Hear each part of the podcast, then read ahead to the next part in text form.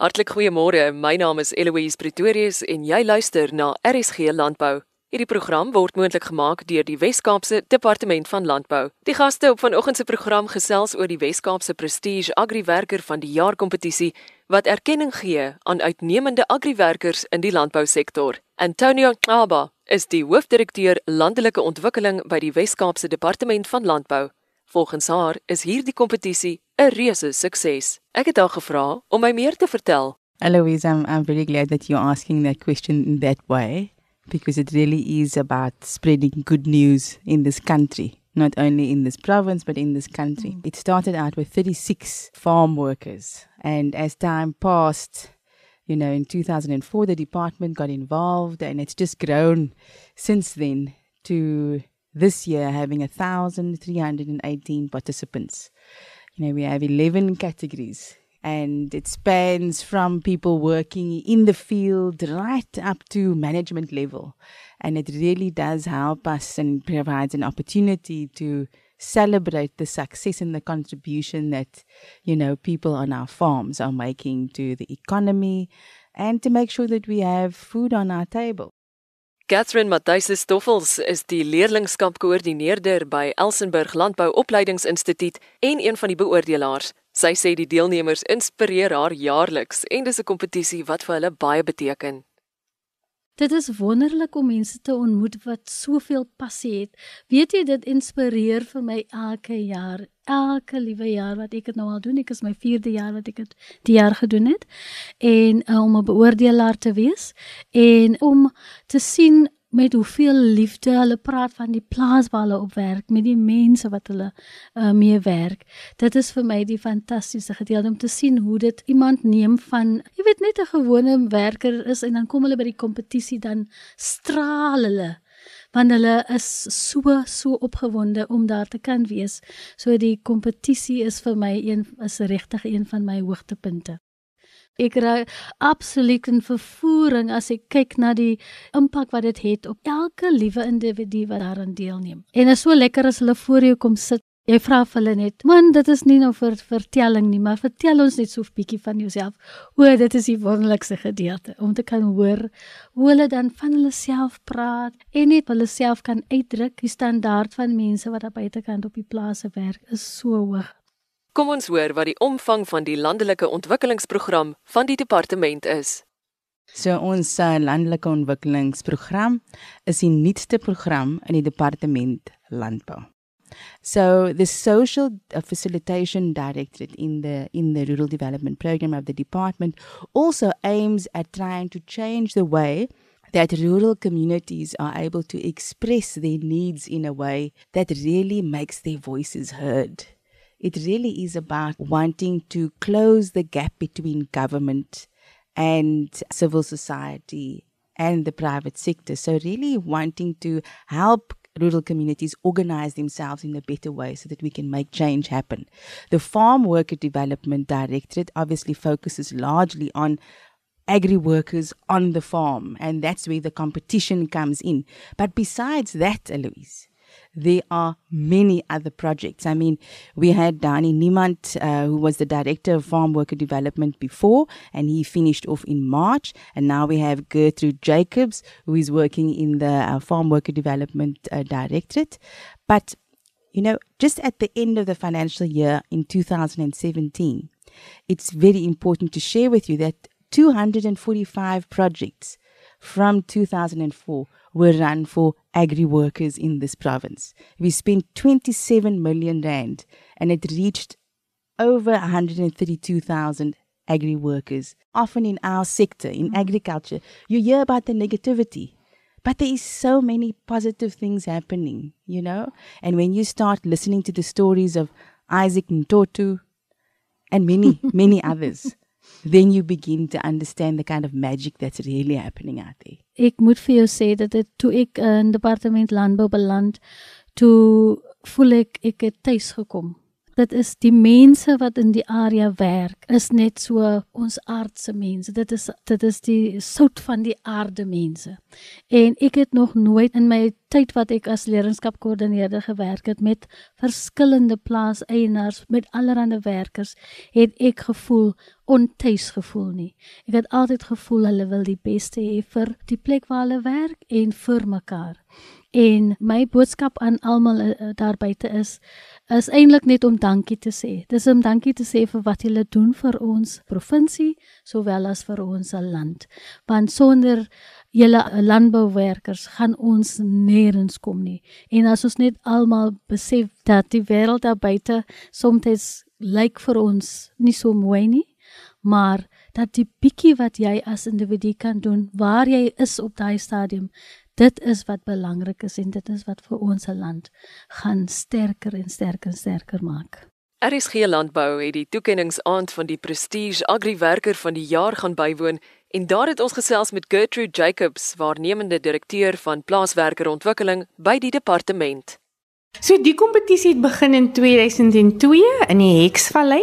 Dit was die HTA, dis nou die Tafeldryforganisasie in die Dorings. Hulle het besluit hulle wil erkenning gee aan hulle landbouwerkers. Um en toe het aan die Elsa Jordan en haar span dit saamgesit. Daar was aan die begin net 36 deelnemers. En so dit nou maar het hulle nou 'n privaat inisiatief gehad. En in 20, 2005 het die departement van landbou, Weskaapse departement van landbou bygekom en toe het ons dan nou begin met die kompetisie. En in 2012 het um, Shoprite bygekom met hulle finansiële ondersteuning en ja, so ons is nou al 'n hele rukkie aan die gang. Ek dink 16de jaar hierdie jaar. Net basies daaroor gegaan om erkenning te gee. Ons het 2015 het ons 'n onafhanklike studie gedoen en toe het hulle bevind dat daar was baie ander voordele op individuele vlak vir die werker self, die pride in sy werk, maar die groei ook en en die en die selfbeeld, ontwikkeling en motivering, maar ook op familievlak en op die plaasvlak. Die verhoudinge tussen werkgewer en werknemer het verbeter. Skielik was daar halfe 'n rolmodel, daar was iets om na op te leef, want elke een wil dan nou volgende jaar ook daai benchmark daar. Dit het half net 'n upliftment gegee, nie net vir die mense en hulle vaardighede en ontwikkeling nie, maar ook in die siening van landbouwerkers dan nou. Behalwe vir die kompetisie, watter ander ondersteuning bied julle aan agriwerkers? In ons departement is daar agt programme. Ons program is die landelike ontwikkeling program en dan het hy so drie onderafdelings en een van daardie onderafdelings is die plaaswerker ontwikkeling afdeling. En dit gaan basies daaroor dat om te kyk na die ontwikkeling van plaaswerkers. Nou kyk ons is 'n tegniese departement, maar landbouwerkers is tog deel van die landbousektor. En so ons is half daai link met die nodige dienste wat na hulle toe moet kom. So as daar miskien nou 'n probleempie is in 'n maatskaplike area, kan ons dan nou na maatskaplike dienste toe verwys en so voort. Maar dan het ons ook 'n sensus wat ons op die oomblik besig is, dis die tweede ronde. En die sensus identifiseer dan nou vir ons maar wat is die needs in sekere area. En dan het ons op die oomblik vier strategiese projekte wat ons sou kan doen rondom ehm um, vroeë kinderontwikkeling, substance support al vir die jeug, want die sensus dui daarop dat daar's 'n groot nood onder die jeug in terme van om skool klaar te maak, maar ook in terme van werkskepping om vir hulle werke te kan kry. So ons het dan nou programme ook wat wat of projekte wat meer gefokus is op die jeug soos 'n rural female youth mentoring wat ons in 16 areas dan nou waar ons graad 9 dogters identifiseer en dan half vir hulle blootstelling gee maar ook dan nou mentorskap van 'n professionele persoon af kry om hulle om hulle deur te dra en dan die volgende jaar gebruik ook vir hulle as champions in daai area. Is die kompetisie oop vir enige agriwerker van appelplikker tot plaasbestuurder? Dis oop vir enige landbouwerker. So iemand wat op 'n plaas werk dan nou en daar's 11 kategorieë van algemene werking tot bemiddelbestuur. So almal in sê nou ons wat nou een spesifieke streek. So dis is die streeks uit dinge. So die plase kan dan nou hulle mense in 'n sekere kategorie inskryf en sê dit is nou ons beste trekker drywer. Dit is ons beste sosiale ontwikkelingspersoon op die plaas. En dan in die streek in is die koördineerders dan nou verantwoordelik om 'n paneel saam te stel, vrae te kry en dan nou daai proses met hulle te deurhardloop. Soortgelyk dan nou as hulle as al die 16 streke afgehandel is, gewoonlik hier teen einde September, dan bring ons hulle na provinsie toe waar daar weer ook 'n span gekies word, 'n paneel vir elke kategorie, maar op provinsie is daar nou twee kategorieë by een vir die beste potensiaal.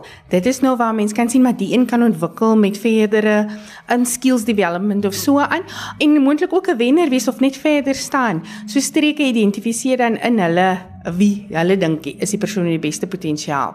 En dan ook natuurlik die streekwenner. So elke streek wys 'n wenner aan wat dan op die provinsie vlak kom deelneem om die algehele oorgrootte wenner te wees. So hulle ding dan teen mekaar mee. Daar's vrae wat gevra word vir hulle en dan is daar 'n score sheet. So hierdie proses is in elk geval ook geaudit deur ons interne audit sodat ons hom nou weet ons is regverdig teenoor persone. Ja, en dan is dit die punte optelling wat dan deur 'n span by die departement gedoen word. So die beoordelaars weet ook self ook nie wie is nou eintlik die wenner nie. Hulle ken dan nou 'n punt toe.